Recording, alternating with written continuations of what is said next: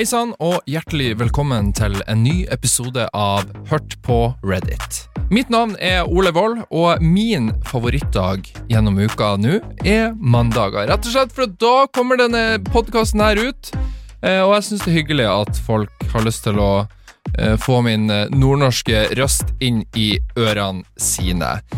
Og i denne ukas episode av podkasten så er jo da Du har sikkert lest tittelen, som da er 'Folk som har vært i fengsel, del sine historier på Reddit'. Og det forklarer seg jo sjøl. Folk inne på Reddit har jo, eller i hvert fall noen av de, har jo også vært innom fengsel fra tid til annen, og de er mer enn nok villige til å dele sine historier ute på det offentlige nett. Eh, og det er jo veldig fint for meg, for da kan jeg ta de historiene og presentere de til dere her i podkasten min.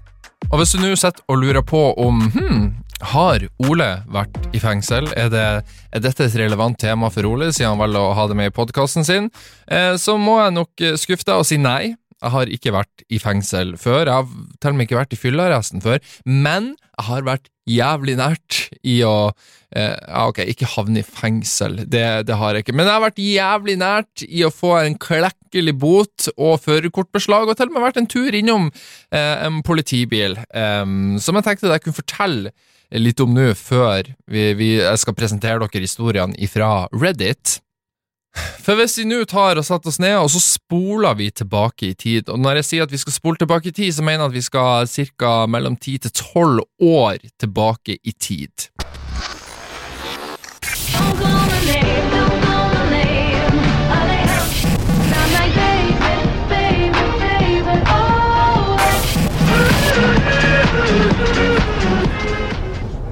Da bor jeg i Nord-Norge. Jeg er cirka, Ja, rundt 20 år gammel, og så kjører jeg en hvit, eh, rusten BMW, en 94-modell for øvrig, for de som måtte lure på det.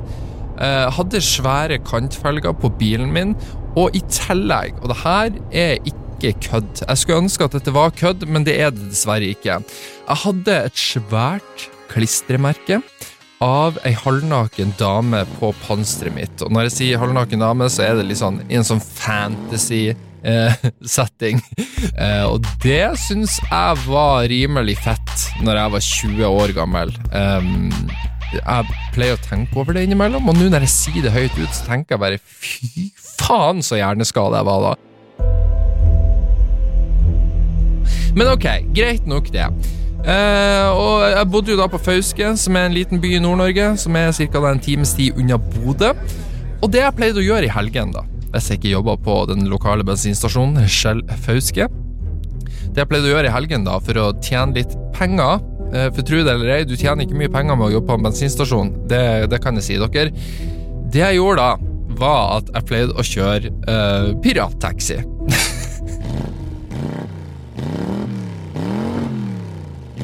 Og nå lurer du sikkert på hvordan får mange tak i kunder når man driver på med pirattaxi.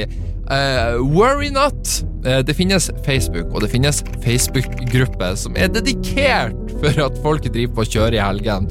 Uh, så jeg pleide å skrive i den gruppa at jeg, jeg kjører i kveld, ring meg på bla, bla, bla. Og så jeg kjører billig. Og det er sånn, Jeg flirer veldig over det nå, men det, sånn, det verste av alt var at noen helger, hvis jeg var blakk, så kunne jeg kjøre inn i det. Jeg kunne kjøre inn et par tusenlapper hvis, hvis, um, hvis, jeg hadde en god natt. Og jeg, jeg skjønner jo nå at nå når jeg sier dette, så jeg, står jeg i fare for å inkriminere meg sjøl. Fordi at det er ikke lov å kjøre pirattaxi. Det føler jeg at jeg må spesifisere. Du, du, du, kan ikke være, være rundt og kjøre folk, for du, har ikke, du er ikke forsikra for det. Du har ikke tillatelse til det, for det er det kun taxinæringa som har. Du, må ha en drosjeløyve, og det, det, har man ikke når man kjører pirattaxi. Så jeg håper at denne saken her er forelda, så ikke jeg plutselig får Oslo politikammer på, på døra mi.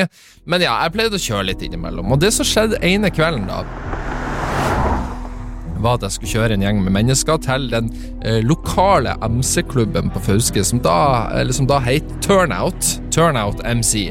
Eh, litt skummel gjeng, visstnok, for de har eh, Det var vel i hvert fall noen skriverier i lokalavisen back then at de samarbeider med Hells Angels og diverse, så det er jo uh, kjempeskummelt, tydeligvis. Men jeg skulle kjøre en gjeng dit, for de skulle på fest på Turnout MC.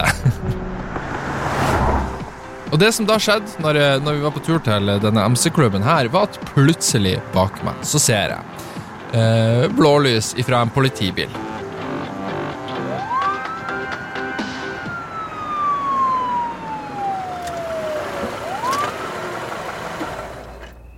Og som den, eh, som den, fine borgeren er, så stopper jeg jo selvfølgelig for autoritetene når de ber meg om å stoppe, så jeg kjører bilen inn til sida og, så, og her, nå har jeg jo da ca. tre stykker inni bilen min i baksetet. Og så kommer det en politimann bort til vinduet mitt. Han ber meg om å kjøre vinduet ned, og så sier han at du, kan ikke du komme og sette inn i politibilen vår en liten stund her? Vi skal bare, vi skal bare prate litt med deg.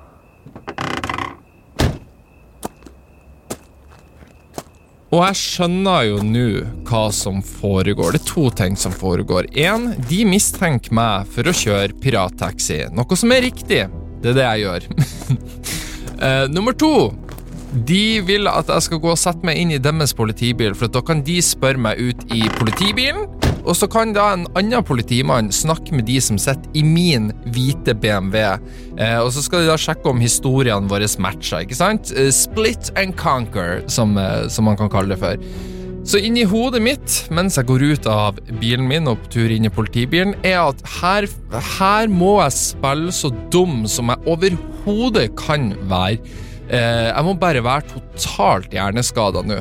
Så det første som skjer når jeg setter meg inn i politibilen, er at jeg er litt sånn Å, er det sånn det ser ut i en politibil? Shit, jeg har aldri vært i en politibil før. Herregud, det er, jo, det er jo nesten litt eksotisk. Det er en spennende jobb dere har. Eh, og da ender jo de opp med å spørre meg Ok, men uh, Ole, hva faen er det du styrer med? Hvem er de folkene som sitter i bilen din? Kjenner du de? Eh, hvor skal de? Hvorfor kjører du de? Får du betalt for det? Og jeg svarer bare at ja, kjenner de kompiser av meg, og ja, ja. Eh, nei, de spurte meg bare jeg kunne kjøre de, og jeg var edru, så vi var på en fest. Og så kjørte jeg, så tenkte jeg kunne bare kjøre de dit, og nei, jeg får ikke betalt for det, er du gæren? Hvorfor, eh, hvorfor tror du det? Herregud. Og det som er da, at Politiet kan jo ikke gjøre så mye. For Det er jo ikke sånn at jeg sitter der med masse kontanter på meg. For det, jeg tror det her var den første turen den kvelden der. Og det høres ut som at jeg drev et helt nettverk av pirattaxier. Det, det var ikke sånn det var. Det var sånn eh, maks ti helger i løpet av to år at jeg gjorde dette. Så det var ikke sånn Det er ikke snakk om store formuer her. Um, men ja, ok, så de spurte meg, og så går jeg ut av politibilen og setter meg inn i min bil, og da har jo de som har sittet i min bil og snakka med en andre politimann, de har gjort en usedvanlig god jobb. For politiet sier at Ja ja, kos dere videre, da. Kjør forsiktig, og ha en fin kveld videre. Så jeg slapp unna. Jeg ble ikke tatt.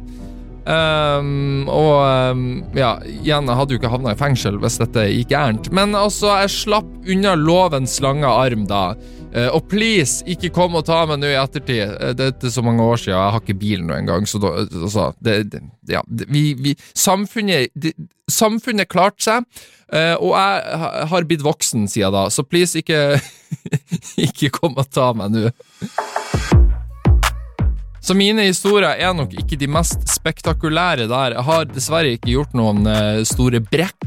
Jeg har ikke vært uh, fysisk mot folk. Jeg, har, jeg, har, jeg er generelt litt uh, boring der. Så heldigvis for dere så er jeg inne på Reddit, og der har jeg funnet mange gode historier fra folk som har vært i fengsel av ymse grunner. Så jeg foreslår at vi bare setter i gang med denne ukas episode av Hørt på Reddit, og utforska det spennende temaet som er folk som har vært i fengsel, som deler sine historier på Reddit.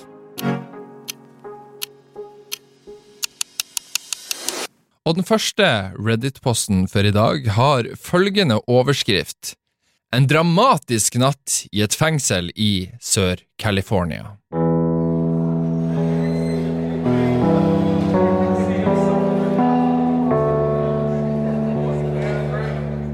Jeg satt i et fengsel i Sør-California.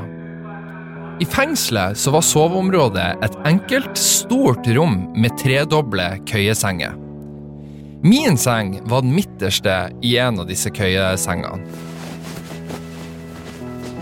Om natta så vil noen av de andre innsatte ofte prøve å onanere diskré, noe som fikk senga til å riste og vibrere. Vanligvis så prøvde jeg bare å ignorere dette. Men en natt mens jeg lå og leste en bok, så begynte senga å riste veldig kraftig. Det var en uvanlig intens risting, som ikke ligna på den aktiviteten jeg vanligvis forbinder denne ristinga med. Da jeg la boka mi ned for å be personen om å Hei, stopp! Ta, ro, ro ned runkinga! Så falt han plutselig ut av den øverste køyesenga. Han landa på betonggulvet med hodet først, og slo hodet sitt så kraftig at blodet spruta. Det viste seg at han hadde hatt et anfall og falt omtrent to meter rett ned på betonggulvet. Han ble umiddelbart sendt til lege, og jeg så han aldri igjen etter det. Jeg vet ikke hva som til slutt skjedde med han.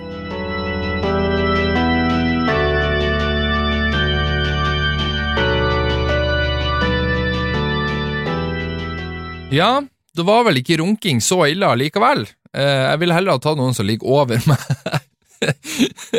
og runker, enn at de detter ned og slår hodet, og det blir blodsprut og hodeskade og potensielt eh, ja, døden og hele pakka der. Vet du hva, det tar jeg heller noen som ligger over meg og onanerer litt. Jeg tenker, la nå folk uh, få kose seg. Men det, det, her er jo det verste. Det, det, det, må være det verste med å være i et fengsel. Det er jo det at du har så sjukt lite privatliv at du må liksom Ok, ja ja, så ligger det folk over meg og runker, da. Sånn er det bare. Det, det, er, det er, en spesiell hverdag å tilpasse. Eh, absolutt. I den neste Reddit-posten her nå, så skal vi, skal vi, ta turen ut fra USA, og så skal vi over til Singapore. Fordi at eh, overskrifta for dette innlegget er hvordan pisking bryter sjøl de hardbarka folkene i Singapore sine fengsler.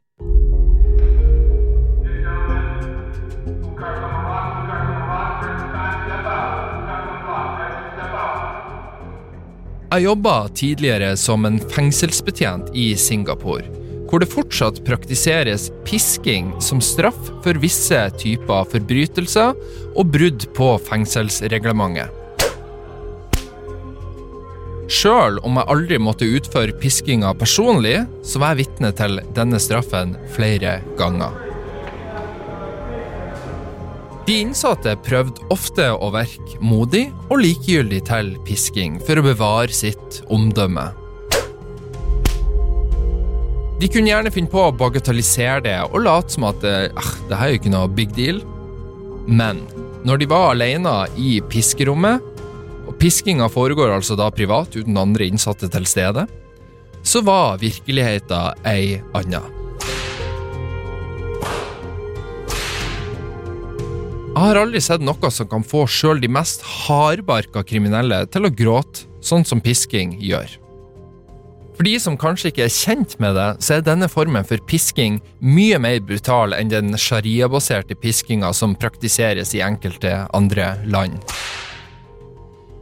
Her handler det ikke bare om ydmykelse, men om å påføre maksimal fysisk smerte.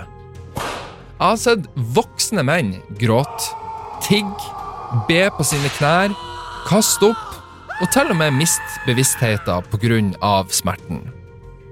En lege må alltid være til stede under denne straffen.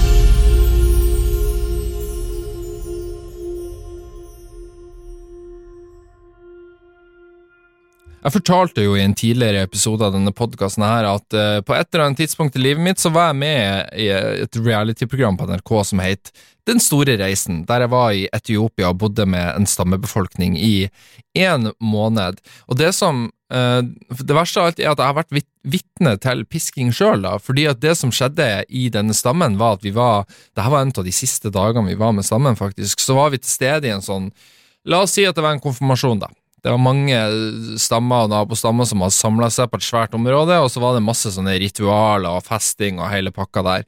Eh, og en av skikkene der nede, blant disse, denne Hamer-stammen, er at damene stiller seg velvillig opp til å bli piska av mannfolkene, for det er visstnok et sånn ok, de, de hengir seg han, og på en måte deres måte å vise respekt til eh, mannen på, hvis jeg ikke husker helt feil. Eh, og det var, det var, for 17 år gamle Ole, en ekstremt eh, absurd og ekstrem opplevelse å se. Eh, og det som var at her gjorde de det jo frivillig, så damene ble jo piska til blods, og de hadde svære kjøttsår. Eh, men de syntes jo det var oh, digg! Oh, nå får jeg respekt fra menn for at jeg har uh, arr på ryggen min som er med meg livet ut. Uh, noe som var helt sinnssykt. Så ja, ta det fra en som har opplevd pisking eh, personlig sjøl. Altså, jeg har ikke blitt piska, men jeg har sett folk bli piska. Det ser ikke bra ut, eh, og det, ja, jeg skjønner at eh, hvis man ender opp med å bli piska 24 ganger, så tror jeg det hadde endra meg eh, for livet ut. I neste historie fra Reddit så skal vi høre en historie fra en som ja, nei, han har ikke vært i fengsel, men han har vært i varetekt. Eh, for tittelen på denne, dette innlegget er Innestengt i elendighet. Hvordan en febersyk natt i varetekt forandra min forståelse av fengselslivet.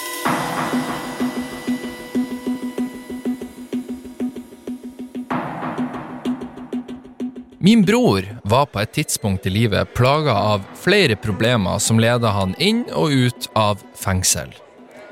Heldigvis så har han skjerpa seg nå, og er en edru, rusfri person, og han har kommet seg ut av sitt ja, ødeleggende forhold. Men minnet av hvordan han beskrev lydlandskapet i fengselet, er noe jeg aldri kommer til å glemme.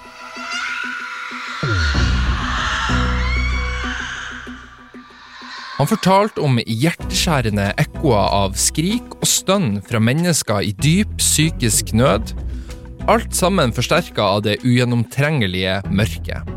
Å høre dette fikk meg til å føle en kompleks blanding av tristhet og frykt, ikke minst fordi at jeg sjøl har en intens frykt for mørket. I en helt annen epoke av livet mitt så ble jeg sjøl satt i en varetektscelle. Forholdene var nesten uutholdelige. Det ble ikke servert mat, det var ingen tilgang til toalett eller dusj, og jeg var for febersyk til å bli overført til hovedavdelinga i fengselet. Det føltes som en evighet i en isolert boble av elendighet.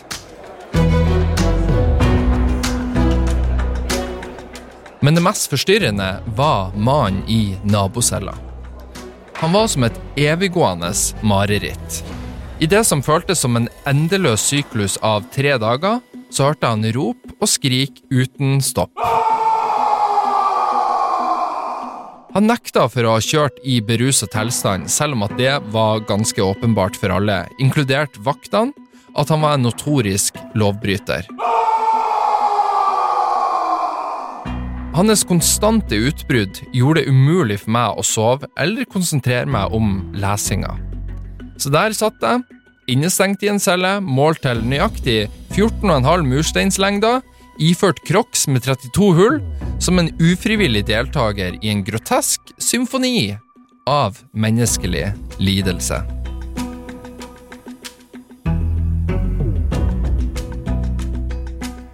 Jeg er litt usikker på hva denne personen egentlig gjorde for å havne i varetekt, for det skriver han ikke. Men hvis du eh, Jeg tenker det verste her er at altså, så pinlig det må være at når du først blir tatt inn i varetekt, at det er sånn at du har på deg crocs. at du må sitte på fengselscella di med crocs på deg, det, det, det, er en tøff pille å svelge. Det, det Ja, nei, det er ikke bra. Vi er jo litt rundt omkring i verden i denne episoden her, og nå tenker jeg at nå skal vi ta og sette oss på flyet, og så flyr vi en tur til Afrika. For den neste Reddit-posten her har overskrift Fanga med en løve i en fengselscelle i Afrika.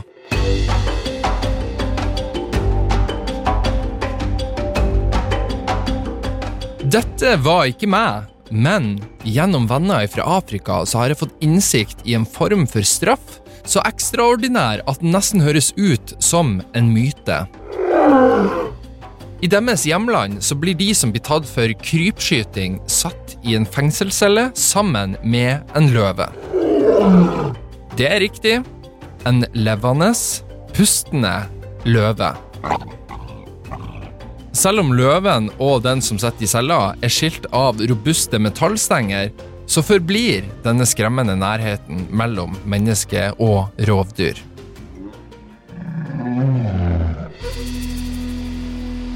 Denne løven er vanligvis eh, en løve som er en slags rehabiliteringsprosess, eh, og cella gir rikelig med plass for dyret til å bevege seg fritt i. Mennesket er derimot henvist til en smal stripe mot en av veggene. Men det er ikke plassforholdene som utgjør den egentlige straffen her. Det er den utholdelige, paralyserende frykten som følger med. Ved første øyekast tenkte du kanskje at ja, det her høres jo ikke så ille ut, siden løven faktisk ikke kan få tak i det. Men vennene mine insisterer på at ingen virkelig kan forstå hvor grusomt dette er før du har opplevd det sjøl. Se for deg dette. Tenk at du sitter i total mørke med bare noen metallstolper som skiller deg ifra dette majestetiske, men farlige rovdyret. Du kan lukte pusten til dyret. Føl den varme lufta som treffer deg når den brøler, og se de nesten overnaturlige, glødende øynene i mørket. Og mens du sitter der, så innser du noe hjerteskjærende. Det finnes ingen utvei. Du er fanga i et hjørne av denne gigantiske cella, og det eneste som holder deg adskilt fra løven, er noen få centimeter med metall. Det er da du forstår den skrekken som denne straffen representerer.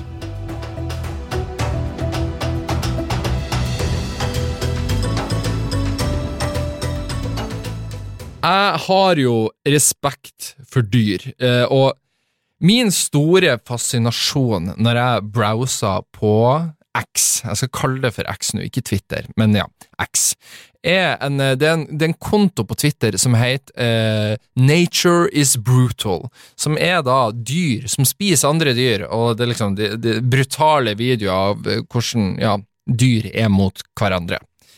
Det syns jeg er fascinerende og veldig, veldig brutalt. Og en av de verste tingene jeg ser, er jo når løver går til angrep på andre dyr.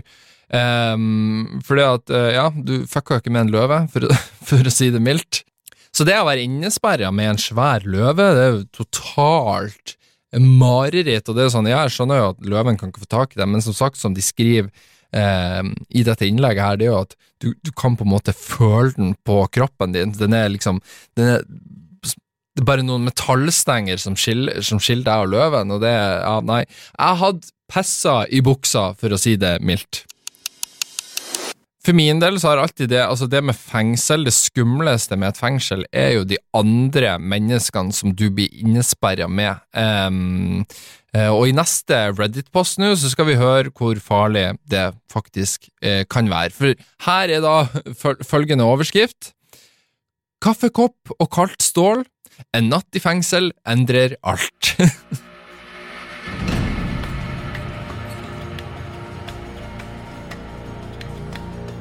Det var seint på kvelden i TV-rommet i fengselet.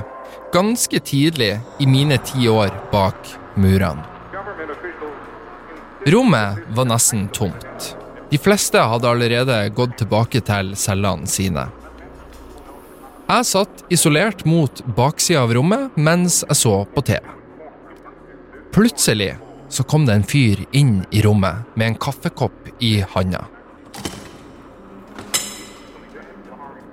Uten et ord så plasserte han koppen på en stol et par rader foran meg og forsvant ut av rommet. En eldre, hvit mann satte seg foran denne kaffestolen, helt uvitende om det som snart skulle skje.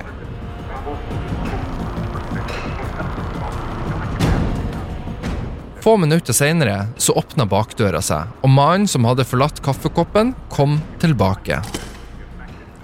I hendene så holdt han et massivt stykke metall som ved nærmere ettersyn så ut som et gigantisk lokk ifra en blikkboks. Han gikk målretta mot den eldre mannen, sveipa metallstykket rundt til forsida av halsen hans og begynte å sage med en sjokkerende ro. I et øyeblikk så var jeg helt lamma, ute av stand til å bevege meg fastlåst av den grusomme realiteten som foregikk noen få meter unna meg. Men jeg tvang meg sjøl til å reise meg opp og gå. Jeg sneik meg ut bakdøra, veldig forsiktig og uten å gjøre noen brå bevegelser som kunne vekke mistanke ifra fengselsbetjenten ved skrivebordet utafor. Neste morgen så ble det avslørt at den eldre mannen var en barnemishandler. Det var en sjokkerende påminnelse om den intense og ofte brutale virkeligheten i fengselslivet, der skjebnen til hver enkelt kan endres på et øyeblikk.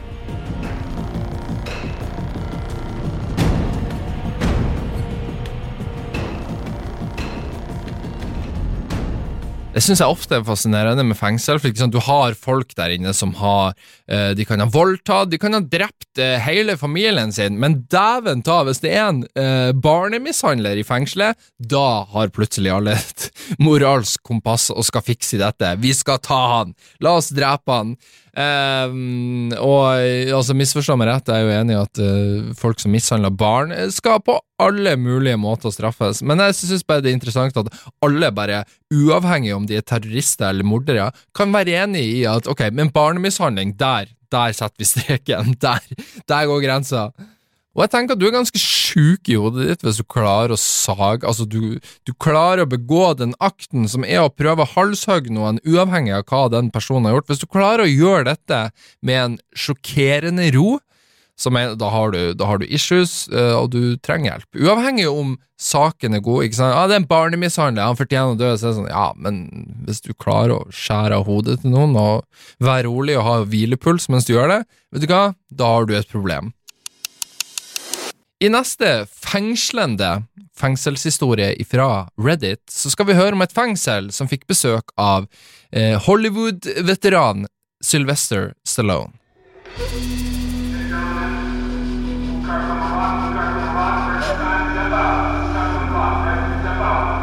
Inne i et fengsel i Ohio var atmosfæren langt fra Hollywood sin gjerne sensasjonelle versjon av fengselslivet, men den var heller ikke helt uten drama. Fra ritualer i dusjen til voldelige konflikter og ulike personligheter som delte celle med meg, så er fengselslivet ofte en interessant boble å leve i.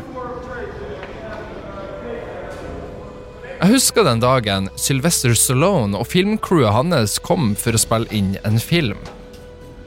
Vaktene ropte til oss som var innsatt i fengselet.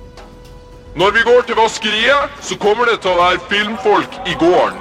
Hvis du forlater rekka på vei dit, så blir du skutt på flekken. Det var da jeg skjønte at de mente alvor.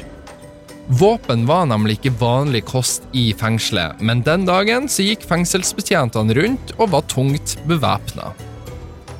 I denne brutale verden så er det mange misforståelser. Konseptet med å f.eks. bli noen andre sin bitch er en av de. Med en mengde homofile innsatte så var det mer enn nok å velge mellom for de som var tilbøyelige til det. Min tid bak murene var delt inn i 22-timersdager på cella, delt med alt fra en muskuløs fyr til en homofil mann og andre karakterer fra alle hjørner av livet. Forbrytelsene spenner fra overlagt mord til tyveri av en radardetektor. Det finnes ingen skillelinjer. Alle går til samme sted for innlosjering og ber til Gud om at en anstendig plassering å selge deretter. Jeg har opplevd alt fra brannstiftende brannmenn til folk som har vært bundet til en seng 24-7, som lengter etter enhver grunn til å slå noen i ansiktet. Seks måneder inne i fengselet lærte meg om den mørkere sida av menneskeheten. Fra innsatte som satte fyr på hele avdelinga vår i raseri over tapte besøksrettigheter, til de som var så medisinert for sine psykiske problemer at de knapt kunne fungere. Fengselet kan være et mikrokosmos av det verste og det mest grunnleggende i menneskenaturen og etter seks måneder i den dype enden av dette ekstreme samfunnet, så følte jeg at jeg hadde sett det aller meste.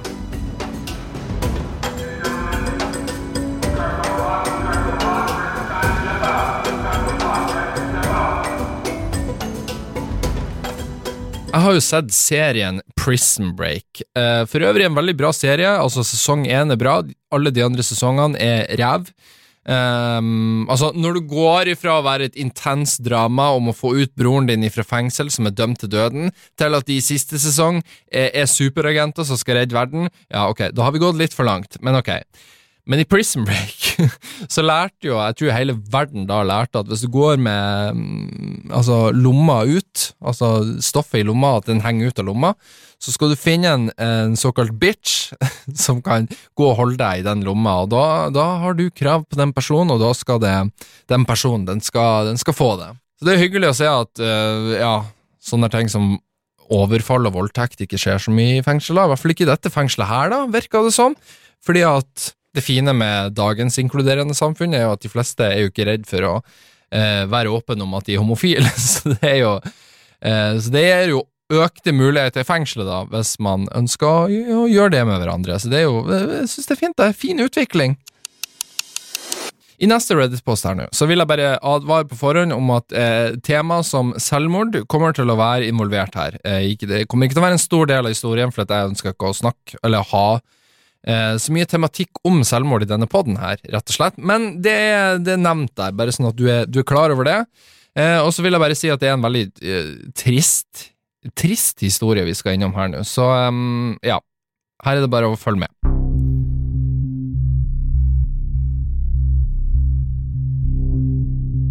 Jeg havna i fengsel etter at jeg forsøkte å ta mitt eget liv foran eksen min. Jeg ønsker ikke å gå mer i dybden på akkurat det, men jeg kan fortelle en hel del om mine to år i fengselet.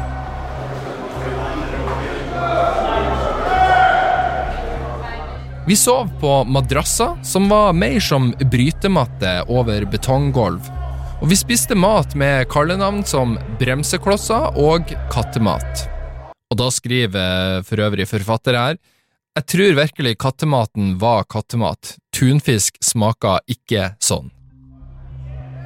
Jeg var innlagt på den psykiatriske delen av fengselet med døgnovervåkning, uten laken, uten sokker osv. osv. Psykiatrisk avdeling var for de gale, de selvmordstruende og de som var på avrusning.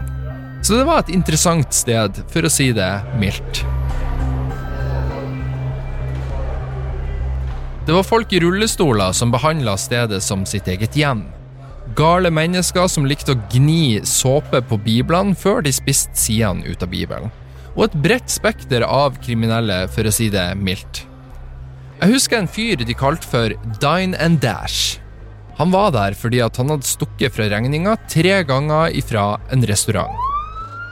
Han hadde en angstlidelse som han fikk medisiner for i fengselet.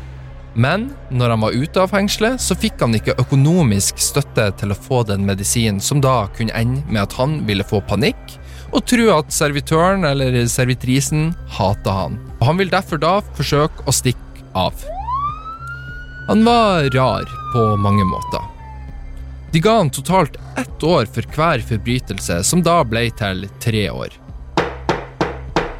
Så han vil være i fengsel i ja, tre år for uh, totalt 27 dollar som han ikke betalte for på en restaurant. Så du vet aldri hvem du er der med. Det var slåsskamper og knivstikking. Kanskje ikke så dramatisk som Hollywood kanskje ville ha fremstilt det, men det skjedde. Det er gjenger der inne, utbredd rasisme og mennesker med et bredt spekter av psykiske lidelser blanda med alle andre. Narkotika kunne ofte bli smugla inn fra besøkende, men oftere fra vakter som solgte det, og de gikk for høye priser, altså da i bytte mot ting. Å dusje med en gruppe nakne menn var som å gå tilbake til gymtimen. Bortsett fra gærningen i hjørnet som hadde brystimplantat, og som likte å sjekke ut alle. Folk kunne finne på å miste såpe av og til, noe som vanligvis førte til latter rundt omkring, og personen som klønete forsøkte å plukke den opp med føttene uten å dette. Samtidig var det folk som kanskje ville angripe deg med et barberblad festa til en tannbørste når du minst venta det, så du føler alltid at du er en viss form for fare.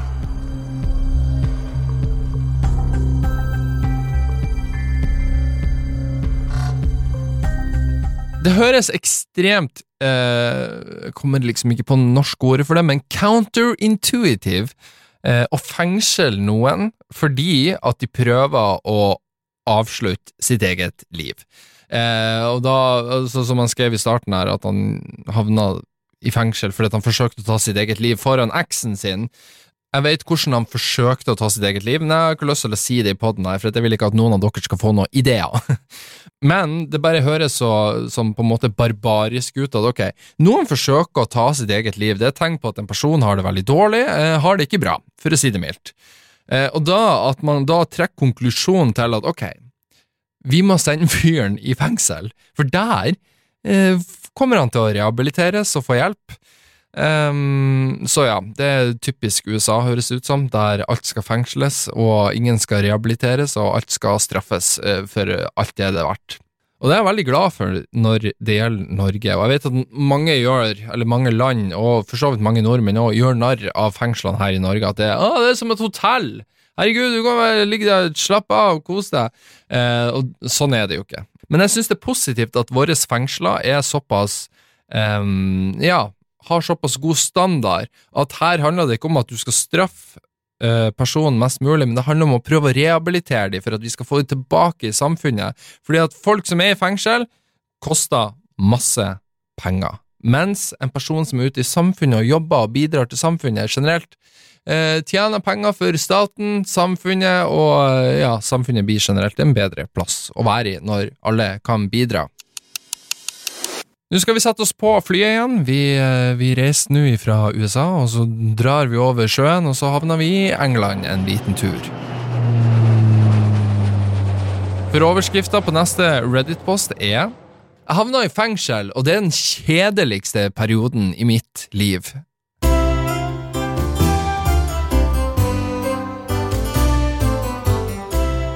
I et britisk fengsel så er det spesielt én kraft som dominerer hverdagen din. Kjedsomhet! Forestill deg å være innesperra i et klaustrofobisk rom målt til ja, knappe to meter i bredden og tre meter langt. Her tilbrakte jeg mine dager isolert 23 timer i døgnet, noen ganger pga. vaktmangel, og andre ganger så kunne det være fordi at fangene var i opprør. Jeg var fanga i en endeløs syklus av kjedsomhet. Biblioteket? Glem det. Jeg hadde ingen tilgang til biblioteket de to første månedene, fordi noen av de innsatte hadde gjort hærverk i det noen dager før jeg kom inn i fengselet. Dette rommet med en køyeseng og et toalett som eneste møbler var min tilværelse. Dagene ble tilbrakt med intet annet å gjøre enn å onanere og å skrive brev. Men fengselslivet hadde også en mørkere undertone. Og det var narkotika. Det var som en skyggeøkonomi, der forhåndsbetalte kontantkort, tobakk og toalettartikler fungerte som en valuta. Jeg ble sjøl rusa opptil flere ganger, og til og med heroin var innen rekkevidde i fengselet. Trusselen om vold var alltid til stede. Jeg er nemlig homofil, og det gjorde meg til et lett mål der inne. Men hvis det ble kritisk, så stilla mine cellekamerater opp som vakthunder og redda meg fra uunngåelig juling. Jeg kom ut av fengselet fire måneder seinere som en forandret mann, i hvert fall fysisk, i det minste. Jeg mista en betydelig mengde vekt, og formen var på topp.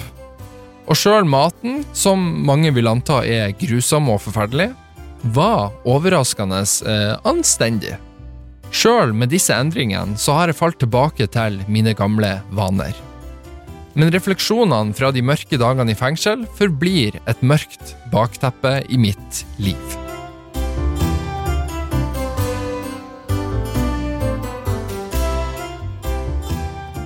Føler jeg må spesifisere en ting her, og det er at det står at um, Skal vi se her Det står at og Det snakkes om en skyggeøkonomi av forhåndsbetalte kontantkort. Og det kan hende at mange av dere som hører denne podkasten, er såpass unge at ikke dere skjønner hva det er. Men det er altså da kontantkort måtte du ha før i tida hvis du skulle, betale, nei, hvis du skulle ringe eller sende en SMS. Da koster det tre kroner i minuttet å ringe, eller så koster det én krone per SMS. Og måten, du, og måten du betalte for det, var via kontantkort som du på en måte måtte ringe. Jeg husker du måtte ringe inn til Telenor, og så måtte du trykke inn den koden som sto på kortet, og ja, det var mye styr. Eh, og det feteste var liksom, jeg husker da jeg var sånn 14 år gammel, fikk jeg et kontantkort med 500 kroner. Jesus, det, det holdt ut hele måneden, det. Det var helt amazing. Så da vet dere hva kontantkort er, hvis dere var i tvil der. Jeg er såpass gammel nå at kontantkort er liksom, er noe som enkelte i dag ikke forstår hva er. Men jeg skjønner det jo sånn at grunnen for at man ofte kjeder seg i fengsel, og det er lite å gjøre der, um, er jo for at man skal sitte og reflektere og tenke over det man har gjort, og så skal man forhåpentligvis bli et bedre menneske av det. Så ja, skjønner det må jo være kjedelig å sitte og bruke hele dagen på å runke og skrive brev, og jeg håper ikke han miksa det sammen på noe tidspunkt, um, men ja. I neste post fra Reddit så har, eh, så har vedkommende følgende overskrift som den, ja, den forbauser meg litt, for det, det er en tulletelefon som endte med fengselsstraff.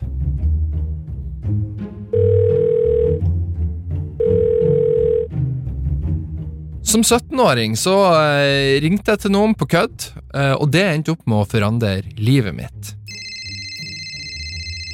Det var en kødd som var inspirert av uh, Jerky Boys, og hadde ingenting seksuelt eller truende i seg. En kvinne syntes derimot ikke at det var så morsomt, og hun anmeldte meg til politiet. Noen dager seinere kom det etterforskere til huset mitt og trua med å arrestere romkameraten min hvis ikke jeg tilsto. For å beskytte romkameraten min så innrømte jeg hva jeg hadde gjort. Etter å ha gått glipp av en rettslig avtale, så ble jeg arrestert igjen. Denne gangen som 19-åring.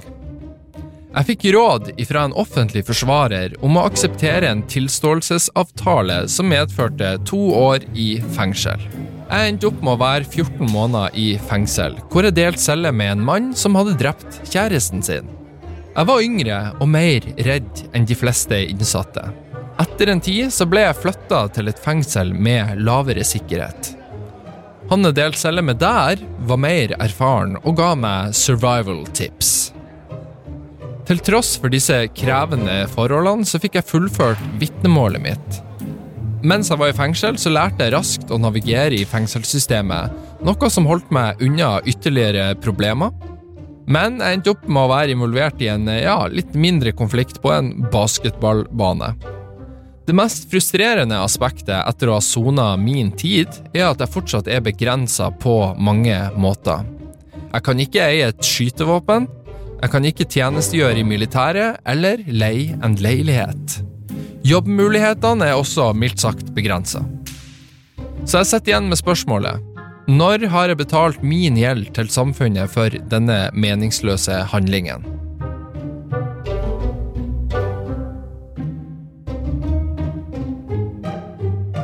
Altså, hvordan køddetelefon er det du har gjort hvis du får hva det er, 14 måneder i fengsel? Jesus Christ, det, det, høres ut som noe mer enn bare en uskyldig tulletelefon, men allikevel, for en hinsides straff for noe så dumt. Og Det er for øvrig en annen ting vi må til livs med, og det er at det skal ha så sjukt store konsekvenser for deg hvis du har vært i fengsel. Fordi at, altså Sånn som jeg ser det, hvis du har sona ferdig dommen din eh, for hva enn du har gjort, ja, kanskje ikke for hva enn du har gjort, men hvis det er en generell forbrytelse, da, så mener jo jeg at når du kommer ut av fengsel, så burde du ha så å si like muligheter som alle andre. Du burde kanskje ikke jobbe med barn, og du burde kanskje ikke jobbe med ja, ting som krever at du har en politiattest.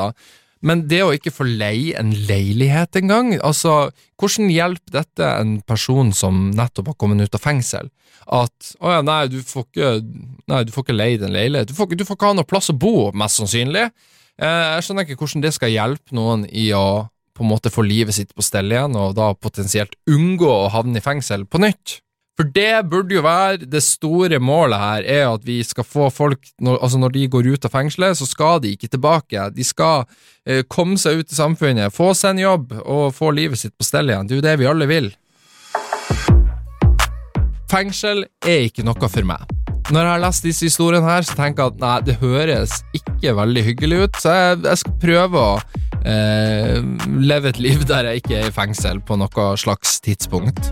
Men uansett, alltid interessant å få et innblikk i hvordan fengselslivet er, spesielt, for man er jo vant til å se det på film, og at det alltid er 'Å, ikke med såpa', og 'du kommer til å bli drept any second now'. Eh, og så viser det seg at ok, det, som regel så er det jo ikke så heftig som de skal ha det til i film. Så det er jo en bra ting, heldigvis, tenker jeg. Uansett så vil jeg takke deg så mye for at du har hørt på denne episoden her. Hvis ikke du har gjort det, så kan du følge podkasten i den podkastappen du hører det på. Jeg tipper du hører det her på Spotify. Og da kan du bare trykke 'følger', og så kan du rate eh, fem stjerner. Eh, så blir jeg veldig glad for det. Hvis du vil se videoer og diverse fra denne podkasten her, for podkasten blir faktisk filma, eh, selv om at jeg ikke legger det ut i videoformat, men jeg legger innimellom ut klipp. De kan du finne på Reddit-podden på Instagram. Der legger jeg også ut eh, innlegg og story og hele pakka der når det kommer ny episode. Så eh, absolutt verdt å følge med på hvis du er, hvis du er fan av denne podkasten her. Uansett, takk for meg, eh, og så høres vi igjen i neste episode av Hørt på Reddit.